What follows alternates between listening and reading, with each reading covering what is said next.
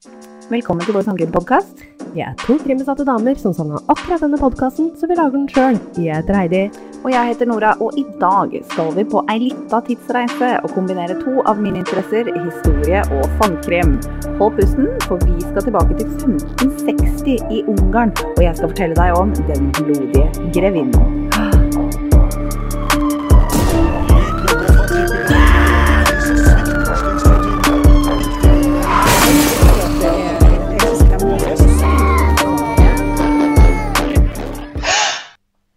Hei, Heidi. Hei, Nora. Hei. Hei. Ja, vi eh, er her igjen. Vi er her igjen. En uke nærmere. En uke et nærmere et eller annet sommeren, eller? Ja. Ja. Slutten på snøen. Åh, hater snøen. Gjør du det? Ja. Det er ganske fint, da. Jeg, Jeg, jeg, er for kald. Ja. Jeg er en stor uh, isblokk om ja. dagen. jeg, jeg setter ikke pris på at det er kaldt, men uh, jeg setter pris på at vi har fire årstider. Ja. Det har jeg sagt mange ganger, for det savna jeg da jeg bodde i England. For der er det liksom bare sånn dritthøst Ja. hele vinteren. Og det er kjedelig, ikke sant? ja, det Ja, kan, jeg kan tenke meg det. Mye sørp og drit der. Sørp altså. og drit. Ja. Ja. Det, det kan jeg se for meg. Ja. Så ja, jeg savner jo Jeg husker jo det når jeg jobba og bodde i Spania. ja. Så også er det ganske kjipe vintre, og så er det ganske kaldt, for det er ikke sånn ordentlig isolert Nei. og litt dårlig. Det er ikke liksom vanlig med peis inne, men Nei. det kunne egentlig hatt det. Ja, og selv når det er 16 varmegrader, så Føles det kaldt? Ja, det føles kaldere. det føles ut som minus 10, altså. Ja, men det var det jo i England òg, Ja. fordi at det er mer fukt i lufta. Ja. Mens her, det var liksom så, og det, var- jeg bodde jo på vest, Ja. vestkysten, så det var liksom mye regn og havet, og da blir det liksom sånn rått, Ja. og da blir det mer sånn brutal kulde. Mens her er det tørt. Ja. Det er fordel. ja, det er veldig fordel. Ja, Ja. Jeg husker jeg savna det når jeg jobba i Syden. Det var sånn, Jeg gleder meg til å komme hjem, og det er litt Ja. kaldere. Ja, og så er det så mye deiligere luft her. Ja, det er det. Ja. Selv om eh, for så vidt lungene mine har det bedre av å ha det fuktig. Og det Åh. visste jeg ikke. Det er Ah. litt sånn astmatikere Ja, og de som sliter ja. sånn, de er faktisk bedre når det er høyere luftfuktighet. Det blir riktig? Eller lavere ja, luftfuktighet? ja, det kan godt hende høyere, ja. ja. Det skal jo være helsefremmende å gå på spa. Du burde jo ta sånn Ja. steambadstue hele tida. Helt, helt riktig. Jeg burde hatt det hjemme. Burde hatt det hjemme. Ja. Herregud, det må være krav når du ser etter hus. ja. Ja. Helt riktig. For du er lagd av penger, eller? Uh, nei, men Nei. vi, vi kan drømme. Hvis jeg blir lottoomliner, da, Da blir det steambadstue. da blir det studio i Steam. Kan hende at vi flytter til deg da, ja. ja. Ja da. Um, jo, ja. Um, han derre svensken min, da. Ja. Han har sagt det, at han har gitt oss uh, stjerne på Spotify. Og jeg bare Hva er det du snakker om? Det er ikke noe, det er ikke Du kan ikke gi oss stjerne på Spotify. Det er ikke noe som finnes det. Og så sier jeg 'vis meg', da. Ja. Og så han bare Faen, hvor, uh, hvor, var- shit, hvor var det jeg gjorde det igjen, liksom? Så han fant det ikke. Eh, men vi snakka om det igjen nå, det her er lenge siden. Ja. vi snakka vi om det igjen nå, og jeg bare faen, ja, men hvor er Vis meg! Og da fant han det jo. Så og gøy. det var jo det vi la ut i storyen Ja. vår på Facebook. Ja, Eh. Vi burde legge det ut et par ganger til. Ja. Eh, fordi, folkens, hold dere fast. Dere kan gi oss fem stjerner på Spotify! ja. Gjør det, da! Og det er kjempegøy. Ja, Ja. Det er veldig morsomt. veldig. Ja. Jeg, jeg syns det, var- var så grei i den videoen også, for det var så oversiktlig hvordan du gjør det sjøl. Ja, for det egentlig, det er dritlett. Ja. Hvorfor har vi ikke sett det? Jeg har Nei. aldri lagt merke til det. Nei, ikke jeg heller. Aldri. Ikke jeg heller. Og det trodde jeg var ganske teknisk innforstått. innforstått. Det var jeg ikke. Eh, nei. Nei. Nei da. Så da har vi jo funnet ut det, at eh, folk som hører på Apple Podkast, ikke så imponert over oss. Nei. Men folk som hører på Spotify, de liker oss. De liker oss veldig godt. Ja. Og det vi Og det er faktisk- hovedtyngden av publikum vårt. Ja. Det er 80 det, stort sett. Ja. Eh, Så det tenker jeg, det er greit. Det er ikke alle som eh, trenger å like oss. Det er, herregud, det er fullt forståelig. Det. det er ikke alle som liker true crime eller, eller ha den, det konseptet vi har med en Nei. dialog mellom to. Men det er jo det vi ville ha, ha. Ja. som vi sier i introen. Ja. Dette er det vi vil høre på. Ja. Dette er det vi gjør. ja. Ja. Helt riktig. Det er, eh, jeg syns det er kjedelig med nyhetsoppdatering. Det blir så upersonlig. Ja. Selv om Ja. Nei, folk må ha sine meninger, men uh, Nei, det her er vår type podkast. Ja. Hva syns du om eh, konseptet mitt for dagens episode? Er du glad i historie? ja, veldig. Du er det, ja? Jeg liker historie. Ja, Ja. kult. Det er jo på en måte ikke for alle. Nei. Alle som er sånn veldig historieinteressert. Og jeg blei ikke det før jeg var godt voksen. når Jeg leste Ken Follett. Ja. Veldig, veldig bra bøker. Ja, Sjukt bra. Ja. Men uh, Så nå har det blitt en interesse. ja så gøy. Det gleder jeg meg. Ja. Så vi skal prøve å skille fakta fra fiksjon eh, og myte her i dag. Okay. Eh, Vi får se om vi får til det. Ja. Men jeg skal fortelle om Elisabeth Battery. Og det var et lyttertips. Oh, Ja, så takk, gøy. eh, takk for tipset, Emilie. Det, hun tipsa meg om det. Det var hun som vant koppen. ah, Ja, okay. Og det er så lenge siden hun tipsa meg. Det er lenge siden, da. Ja, det er veldig lenge siden. Vi henger litt etter. Ja, ja, men altså, nå hadde jeg lyst til å ta den. Ja. Jeg har jo, altså hun bare, ja, jeg var en uh, ungarsk eh, seriemorder. Jeg bare, ok. Men så undersøkte jeg, og så faen er hun født i 1560. Oi, Da, da ble jeg interessert. det er kult. Så, Elisabeth Battery. Uh, alle engelske videoer sier jo Battery, men uh, altså det er Ungarn. Ja. De sier Battery. Ja. Um, eller egentlig så heter hun jo Erzebeth med Z.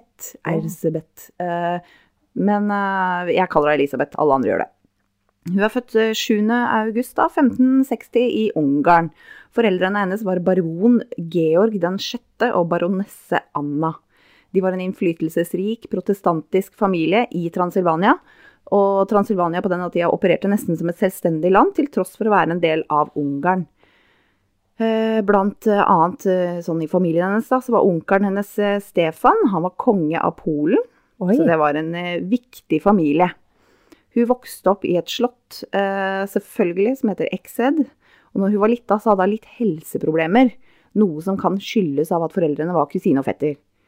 Eh, sånn som jo var helt vanlig da med adelig familie på den tida. Mm. Hun fikk eh, epileptiske anfall, eller fallesyken som de kalte det da. Og medisinen mot dette var blod fra en frisk person gnidd på leppene. Nam-nam. Og en bit av en hodeskalle fra en friskus å holde i. Ja. Ja. ja. Jepp. Ok. Um, helt vanlig prosedyre der, altså. Som en velstående familie så hadde de jo mange tjenere, og de måtte jo irettesettes når de gjorde noe galt. Allerede som barn syntes Elisabeth det var morsomt å se på når de fikk sin straff. Altså, jo, men du har jo ikke TV, da. Nei, nei, det er sant. Ikke sant? Ja. Du, du ser vel, det hender vel du ser på en film hvor noen dør. Ja. Det gjorde hun òg, ja. bare I virkeligheten? i virkeligheten. Ja. Um, Visstnok så var det en som ble henretta ved å bli sydd inn i magen på en døende hest. Nei! Og det så hun på som ung, da. Herregud. Ja, Så når hun var elleve år, så var hun vakker og allerede velutdanna. Hun beherska latin, tysk, ungarsk og gresk. Shit. Ja. Eh, Så nærme de adelige ikke, skal ikke stå på utdanninga. Nei, og de er ekstremt flinke på språk. Veldig. Ja. Men det er viktig, for da har du ikke Du hadde jo ikke verdensspråk i engelsk. Nei. Så for å kommunisere med folk, så måtte du kunne mange språk. Ja. Ja. Veldig sant. Um, så det var når hun var 11 at hun ble forlova med greve Frans Nadasti.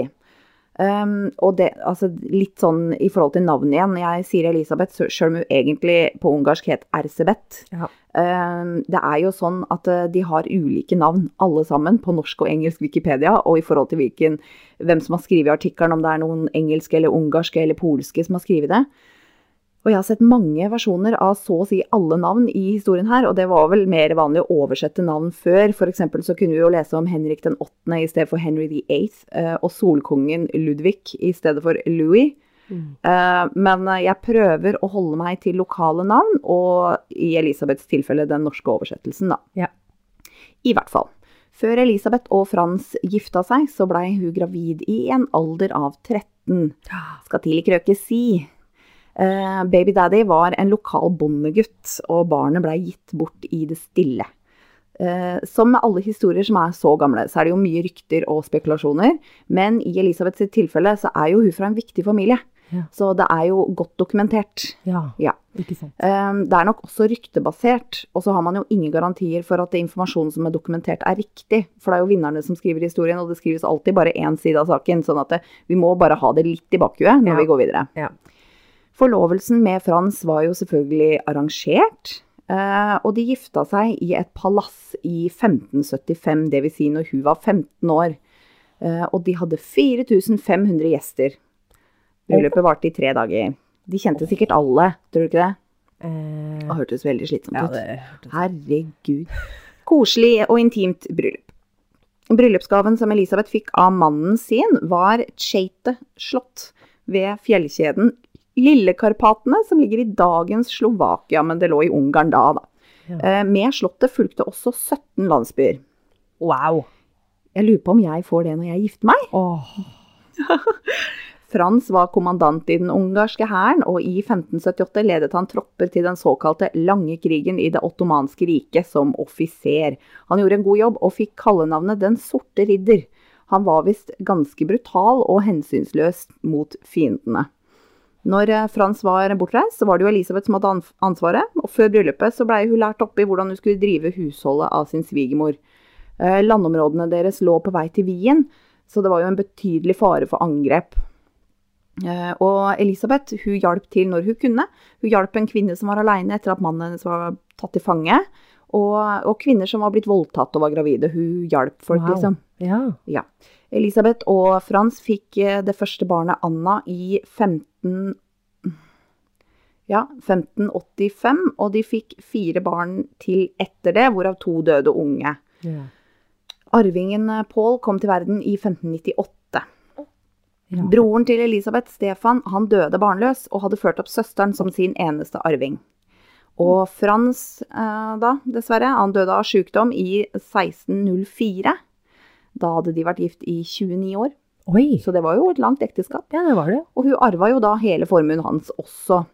Um, av interesse sånn uh, kort innpå her, så kan jeg jo nevne at uh, han Paul, da, han hovedarvingen deres, fordi de hadde døtre før han Paul kom. Ja, selvfølgelig.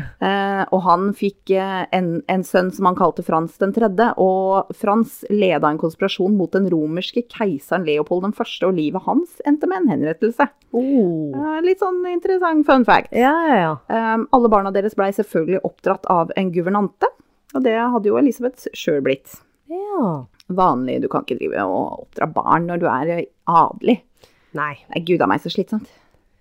Nei, som du skjønner, når hun arver av samtlige, så blir hun til slutt veldig rik og mektig.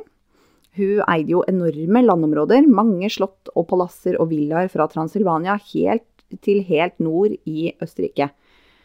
Eh, faktisk så var hun så rik at hun lånte bort penger til tronen.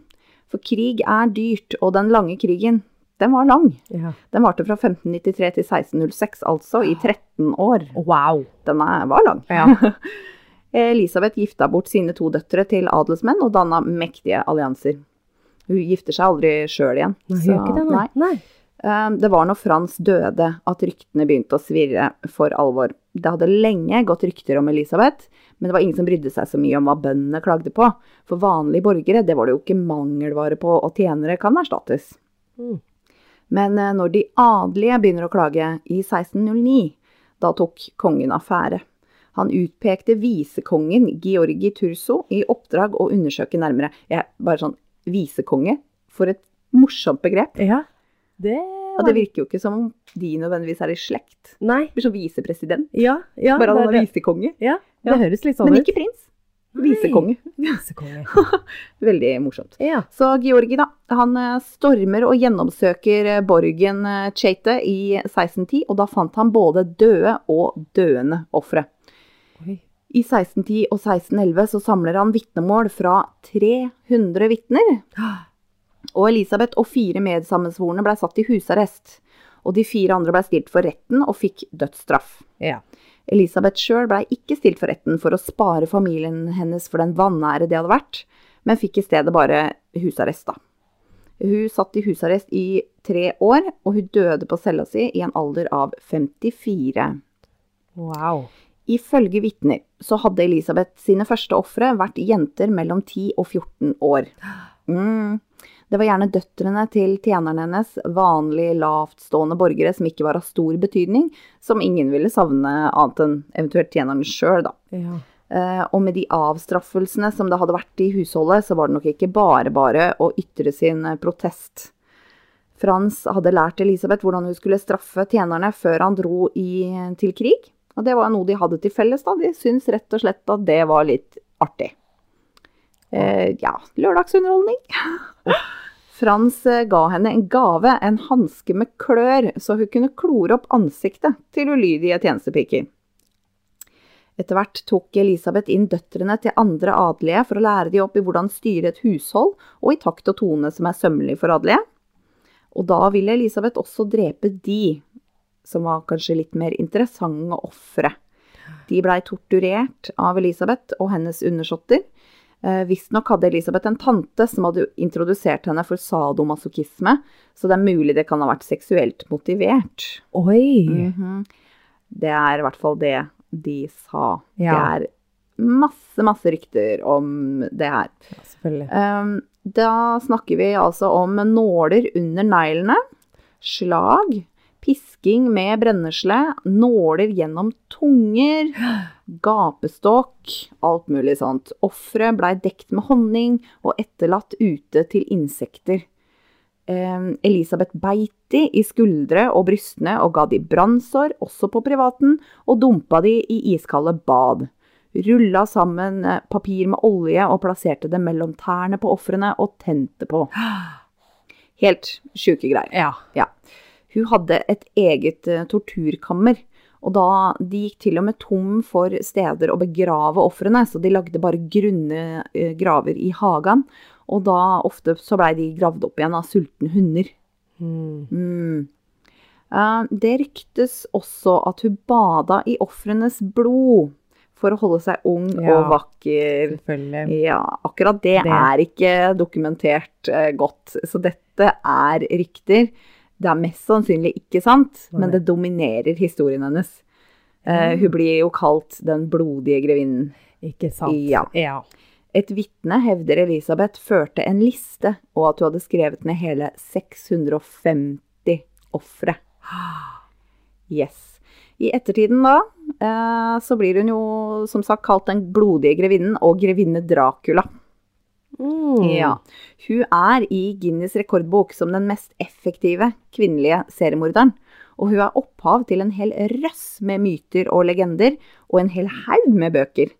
Til og med er hun med faktisk i George R.R. Martins A Song of Ice and Fire, altså bøkene til Game of Thrones. Ja. Men bare i boka, da.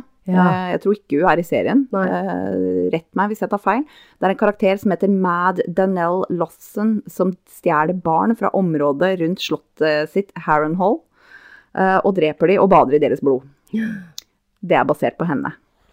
Shit. I femte sesong av American Horror Story så spiller Lady Gaga en karakter, grevinne Elizabeth Johnson, som er løst basert på vår Elisabeth Oi. og hun har inspirert mange filmer og teaterstykker. Hun er også med i Nintendo-spillet Castlevania under navnet Elisabeth Bartley. Og hun har inspirert masse musikk, fra opera til black metal, og det fins et svensk metalband som heter Battery. Og en rekke band fra andre land som heter ting som Countess, Elisabeta og Erzebeth, bare for å nevne noen få. Altså det fins en hel Wikipedia-side med oversikt over alt som er løst basert på eller inspirert av denne historien. Ja, det er sjukt, da. Hallo. Det er så mye. Det var ikke litt heller. Nei. Nei. Men er den egentlig sann? Det var det, da. Det var det. For historikere i dag er nemlig ikke så sikre. Ah. Sjøl om saken er godt dokumentert, kan det hele ha vært et komplott, og offeret er Elisabeth. Ah, ikke sant. Husker du da jeg sa hun lånte penger til tronen? Ja. Det er smidig å slippe å betale tilbake, da. Ah. Når noen blir dømt for noe kriminelt, så kunne nemlig tronen overdra landområdene deres. Det var ikke uvanlig. Nei. Uten tvil så var hun hensynsløs mot tjenerne sine. Det er ikke til å stikke under en stol. Hun har null toleranse for ulydighet og feilskjær. Hun, hun var en bitch. Hun var Mm. sjefsbitch. Uh, men at det liksom visstnok fløyt så mye blod på gulvet i slottet at man kunne vasse i det, hvorfor blei hun da ikke tatt før? Ja. Og hvis hun tok liv av 650 personer, hvis hun fikk holde på i så mange år, hva, altså, er det egentlig sannsynlig? ja, det er det, da. Jeg tror liksom ikke kanskje det. Nei. Nei. Det politiske landskapet i Ungarn var ustabilt og preget av mye rivalisering til tronen. Mye indikerer at Elisabeth støtta sin nevø, prins Gabor Battery, som herska over Transilvania. Og Transilvania opererte jo nesten som en selvstendig region, sjøl om det på en måte var en del av Ungarn. Eh, Så det var mye gnisninger mellom Transilvania og Ungarn. Mm. Gabor fikk makten samtidig som Mathias i Ungarn, som jeg nevnte tidligere, han kong Mathias. Elisabeth har så mye land og makt når Frans dør at hun eier det største landområdet i Ungarn. Oi. Eh, Battery-slekta har så mye makt når du tar i betraktning hennes nevø og flere andre i familien som eide mye rikdom, så maktfordelinga i forhold til tronen blir liksom litt skeiv. Ja. Elisabeth kan jo ha vært en enkel løsning for å vippe hele slekta fra toppen. Ja. Det gikk tross alt rykter om hvor kjip hun var med sine tjenere, og komplottet skriver seg nesten sjøl. Mm. En artikkel skrevet av historiker, doktor Å, herregud. Altså, disse navnene. Eh, du må, dere må gi meg litt goodwill. Ja. En artikkel skrevet av historiker doktor Irma Shadeski Kardos utdyper denne politiske uroligheten som del av grunnen til hvorfor det gikk som det gjorde med Elisabeth. Ja. Elisabeth blei oppdratt innen kalvinisme. Det er en retning innen protestantismen. Og Frans han var evangelisk-luthersk, som også er innen protestantismen, men det er likevel en forskjell, da. Eh, Og Elisabeth ga ikke avkall på kalvinismen når hun gifta seg, og det ville vært vanlig. Dette er jo en tid hvor det er mye uenighet om religion, og det er jo ikke greit å ikke følge strømmen. Nei. Nei, nei. Nei. Eh, som ateist uh, sjøl, eller egentlig agnostisk ateist, så skjønner ikke jeg helt hva det er å krangle om. Fordi fra utsida for meg så ser alt ut som Jesus allikevel, Mm. men på den tida så var det jo kjempeviktig. Ja, ja. Eh, men Elisabeth hun motsatte seg aldri ulike religiøse praksiser på sine landområder, og hun lot folket få praktisere den religionen de ville, og det var ganske raust på den tida. Ja, er du gæren. Hun hadde til og med finansiert utbyggingen av lutherske skoler, og hun støtta utdannelsen av lutherske prester. Eh, Finansielt, altså. Ja. Eh, Men det var en luthersk prest som vitna mot henne, og naturligvis så hadde jo hans vitnemål noe tyngde. Mm. Han anklagde henne både for hekseri og kannibalisme. Kanskje han bare ikke var enig i hvordan hun lot folket gjøre som de ville. Det kan være. I et brev eh, presten skrev til Georgi, vår, han visekongen, da, eh, vi kan vel egentlig kalle han hovedetterforsker av saken, Ja. Eh, der skrev han presten at hun kunne forvandle seg til en svart katt på natta, og i denne skikkelsen så hadde hun forfulgt han. Mm. Ja, mm, ja. Eh, skal vi virkelig tro på presten når vitnemålet hans inkluderer sånne feberfantasier? Jeg veit ikke, altså. Nei, den er litt tynn. Jeg syns det. Presten hadde lenge forsøkt å vippe Elisabeth av makta, men sjøl hadde hun aldri snakka imot han. Nei. Så det er mange artikler, til og med Wikipedia faktisk, tror jeg, som sier at foreldrene til Elisabeth var kusine og fetter, som jeg sa tidligere, og det var derfor hun var så forskrudd og mentalt uh, forstyrra. Mm. Men hun, doktor Irma skriver at sjøl om de hadde samme etternavnet, foreldrene hennes, eh, så var de separert med sju generasjoner. Oi. Altså hadde de samme tipp-tipp-tipp-tipp-oldeforeldre. Ja. Eh, altså det må jo skje hele tida, det er jo ikke innavl i det hele tatt. Nei, det er ikke det. Um, og så er det jo litt vittig at det med innavl blir holdt mot henne når kongehuset i Ungarn var en del av Habsburg-familien. Nå var det jo habsburgerne i Spania da, som hadde så mye innavl at familietreet til slutt så ut som en strek, men allikevel. Ja. Til og med her, da, på bygda rundt eh, 1600 i Ungarn, hadde de sosiale goder som helsetjenester. Og der la jeg inn et lite spark til eh, USA, i fall du missa det. Eh, Men det var sånn at landeiere var plikta til å gi pleie til sine leietakere. Ja. Eh, Lorden tok seg av menn som ble skada i krig, og ladyen tok seg av kvinner og barn. Eh, Elisabeth hyra de dyktigste healerne, de beste hun kunne finne, til sine undersåtter. Og hun sendte ut eksperter innen helbreding og urter til folket. De samme som hadde jobba med hennes egne barn, faktisk. Oi. Da veit du, det er pre-approved, liksom. Hun har testa, hun har sjekka, de er bra. Ja. Når hun sjøl reiste til en av sine mange landsbyer, så tok hun til og med med de sjukeste tilbake til slottet sitt for at de skulle få bedre behandling der. Ja. Man kan også se i brev hun har skrevet, at hun skrev til kongen for å få hjelp til borgerne sine. At hvis, hvis noen hadde havna i trøbbel med loven eller økonomisk. Så hun, hun virker jo egentlig ganske raus. Raus, ja. Ja. Uh, ganske medmenneskelig. Ja. Uh, hun var sjøl opplært i eh, sånn basic eh, helbreding som, eh, av moren sin, da. Ja. Som av vanlig, alle har noen sånne Førstehjelps- Ja, Ja. ikke sant. Du kan kalle det det. Ja. Noen av de metodene hun brukte, var typisk for området Transilvania. ja. Når dette ble tatt med videre på landsbygda i vestlige Ungarn, så kan det ha virka rart og fremmed, og det kan jo forklare hvorfor ryktene svirra om hekseri. Mm. Hun hadde også en medsammensvoren, som ryktene sa, eh, og som mange artikler og YouTube-videoer sier var en heks. eh, som lærte Elisabeth å drepe. Men doktor Irma skriver at Anna Darbulia var en kroatisk jordmor, eh, bare en innvandrer som brukte helt andre metoder enn de lokale var vant til. Ah. Så Anna da, eh, hun var spesialist på blodtapping, som vi i dag praksis, eh, var praksis mot eh, mange sykdommer i gamle dager. Mm. Og det er klart at ryktene vil gå om slakt og tortur når de lokale ikke er vant til det. Mm. Metodene som ble brukt på torturkamrene samsvarer faktisk med datidens legebøker om kirurgi. Og dette var jo før moderne bedøvelse, så dette ville jo være smertefullt. Ja. Og kanskje minne om tortur. Ja. Gikt blei ofte behandla med å rulle pasienten i brennesle. Infiserte negler hos syersker blei behandla med å slippe ut infeksjonen ved hjelp av nål under neglene. Eh, Og byll under tunga blei stikket høl på med en nål. Og isbad for å dempe feber. Aha. Altså så kan dette forklares, det som jeg tidligere kalte torturmetoder. Ja. Eh, Doktor Irma skriver at det faktisk ikke fantes fysiske bevis mot Elisabeth, og at hele rettssaken bare var en farse. Dessuten så fantes det samtidig som et angrep mot tronen til prins Gabor, hennes nevø i Transilvania. Er det tilfeldig? Mm, kanskje det. Altså det her, det er jo på en måte, altså hun, doktor Irma, hun er jo historiker, Mm. men eh, jeg, jeg spekulerer masse nå. Ja. Jeg tar meg litt friheter. Ja. Eh, men altså det er jo basert på det jeg har lest da. Ja, selvfølgelig. Eh, bare det at de ikke stilte Elisabeth for retten for å såkalt spare familien hennes for skam, var det ikke kanskje heller fordi det ikke fantes bevis? Mhm. Eh, blei hun dømt Altså, hun ble dømt uten rettssak. Skurrer det ikke litt? Var det liksom for å spare familiens ære, eller var det rett og slett for å bare gjøre slutt på hele rikdommen hennes? Ja. Hun blei arrestert uten tiltale, hun blei låst inne uten dom.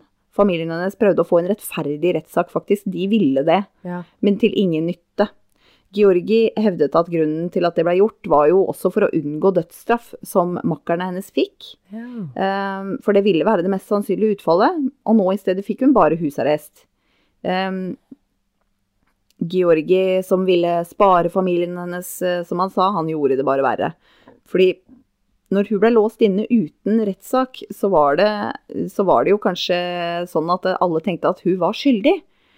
Og ryktene virra verre enn før. Kanskje verre enn det ville gjort hvis hun hadde fått en rettssak. Mm. Til og, ba, eh, til og med kongen ba Georgi reise tiltale og kjøre rettssak. Ja, jeg veit ikke om han gjorde det for syns skyld, eller om han mente det og ikke hadde noe med komplott å gjøre. Det, det vites ikke. Nei. Alle vitnene som Georgi rekrutterte, hadde han funnet i landsbyer der det allerede svirra med rykter. Ingen av de 300 var vitne til faktisk tortur og drap, og ingen kunne fortelle om noen som ble skada, men de var godt kjent med historien. Mm. Så det var vel kanskje bare det de fortalte. Mm. Elisabeth var nok en streng herskerinne.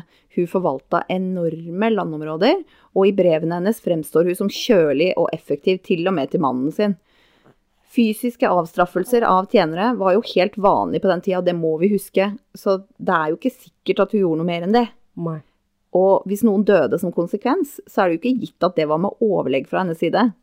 Et kult sitat fra et brev hun sendte til en mann som hadde bare tatt for seg på landet hennes og bosatt seg uten tillatelse. Hun skrev Du må ikke tro jeg skal la deg være i fred for å nyte godt av landet. Du vil finne en mann i meg. Wow. Ja, pent formulert trussel fra en kvinne som ikke tar noe dritt. Nei. Å, jeg liker det. Ja, jeg òg. Ja. Så her uh, veit jeg helt Jeg veit ikke om krimsaken vår ligger i Elisabeths ustanselige lyst for tortur og blod, eller om den ligger i et komplott mot henne. Men uansett hva sannheten er, det har skjedd noe kriminelt, og det er en interessant historie. Ja. Og det som er litt gøy òg, er at det, liksom når du googler henne, alle artiklene sier den første delen av historien. Ja. Du må grave for å finne doktor Irma, ja og den andre delen av historien. Ja. Hvis sannheten er at hun blei utsatt for en sammensvergelse, så er jeg glad for å kunne fortelle begge sider av historien, for det er ikke mange som gjør. Nei, det er det faktisk ikke. Så hva tror du? Ja, godt spørsmål. Jeg tror Jeg tror kanskje hun er uskyldig oppi der. Altså, ikke, ikke Jeg tror hun har straffa dem kanskje litt mer enn hva Ja. Men jeg tror hun prøvde å hjelpe på den best mulige måten det gikk an å hjelpe folk på den tida er sånn. Det kan hende. Ja. Jeg, jeg, jeg bare kjenner ut ifra alt doku, serier og dokumentarer jeg har sett fra den type tida, Ja. så er det jo bare rykter som får folk til å Yes. henrette folk. Yes. Så sånn sett så tror jeg hun har havna litt i den kategorien der, altså. Kan hende. Ja, kan hende. Kvinne med makt Ja. på 1600-tallet, Åh. aleine. Ja. Han døde jo, hun gifta seg aldri igjen. Det De, de, de, må stoppes, vet Ja, du. ja, ja, er du gæren? Er hun egentlig et feministisk ikon? Ja, det vil jeg egentlig si. Kanskje det? Ja, det syns jeg. Jeg er veldig spent på å høre meningen eh, til folket. Det er sikkert en kjent historie for mange, for den er jo godt dokumentert Ja. eh, også i vår tid. Ikke sant? Jeg er veldig spent spesielt på eh, hva Emilie som tipsa synes om eh, Mhm. episoden. Ja. For hun, hun eh, kanskje ikke hadde hørt den andre siden av saken. Nei, det òg. Hva, hva tror du? Ja, jeg, jeg har egentlig trua på den andre sida, ja, altså. Ja, at du er Ja, Sjøl om liksom alle artikler og videoer bare oh, the bloody countess, ikke sant. Ja. De, de svartmaler henne veldig. Ja. Men er ikke det litt typisk? Jo, jo, jo, selvfølgelig. Det er Ja. Det er ikke nok bevis her, altså. Men ja, på den tida var det sikkert mer enn nok bevis, bare det at det var et vitne. På, Ja, ja. Påstående vitne. Men herregud, alle kan jo kjøpe vitnemål. ja. Og en prest Ja, som ja, sier at du kan forvandle seg til katt. men. Skal jeg stole på et ord til av det han Men- sier, liksom? Prester var jo kjent på den tida å ljuge mye for å få det sånn som de ville ha. Men samtidig, deres vitnemål var jo liksom sett fra Gud, ikke sant? Så de kan jo ikke ljuge. Og dette Men- var en luthersk prest som bare ville at alle skulle være luthere, sikkert. Og det var ikke hun. Nei, Nei. nettopp. Nei, så jeg tror eh, hun er litt uh, uskyldig oppi akkurat den eh, teorien om at hun har drept så mange mennesker som det hun har. Ja. Jeg tror det. 650 er ikke sannsynlig. Eh, nei. Tenk at til og med hun er i Guinness rekordbok. Ja. Og så er det kanskje bare komplott. Ja, tenkte jeg. Ha-ha. Ha. Det er en del Nei, bilder av henne, faktisk. Oh, det er det, ja. Eh, ja, ikke bilder selvfølgelig, men eh, malerier, da. Mm. Uh, Så jeg legger ut uh, litt malerier og bilde av slottet har jeg sett, og eh, våpenskjoldet til Battery-familien var jævlig fett. Kult. Det også må dere se. Ja. Ja. Spennende. Ja. Så ja, var, skriv inn folkens hva skriv- dere tror. ja. Ja, Det er spennende. Det, det var en litt annen eh, krimverden. det var det. Ja, likte det. Ja. Ja. Det er ikke så lang, men en god halvtime, det tar vi. Det tar vi. Det tar vi. Ja. Folkens, gi oss fem stjerner da, Ja, på Spotify. det. Husk nå endelig det. Ja. Du sitter jo med mobilen i handa og Spotify akkurat nå. Ja. Det er bare å gjøre det. Det syns jeg. Det tar maks fem sekunder. Maks fem sekunder. Ja. Da blir vi så glad. Ja. Ja. Nei da, eh, søk oss opp på Facebook og Instagram. Hold pusten pod er eh, Der finner du oss. Der. Og der finner du oss, Ja. og der finner du bilder. Det gjør du. Så flott. Da ses vi om en uke, da, Nora. Det gjør vi. Det gjør vi. Ha det.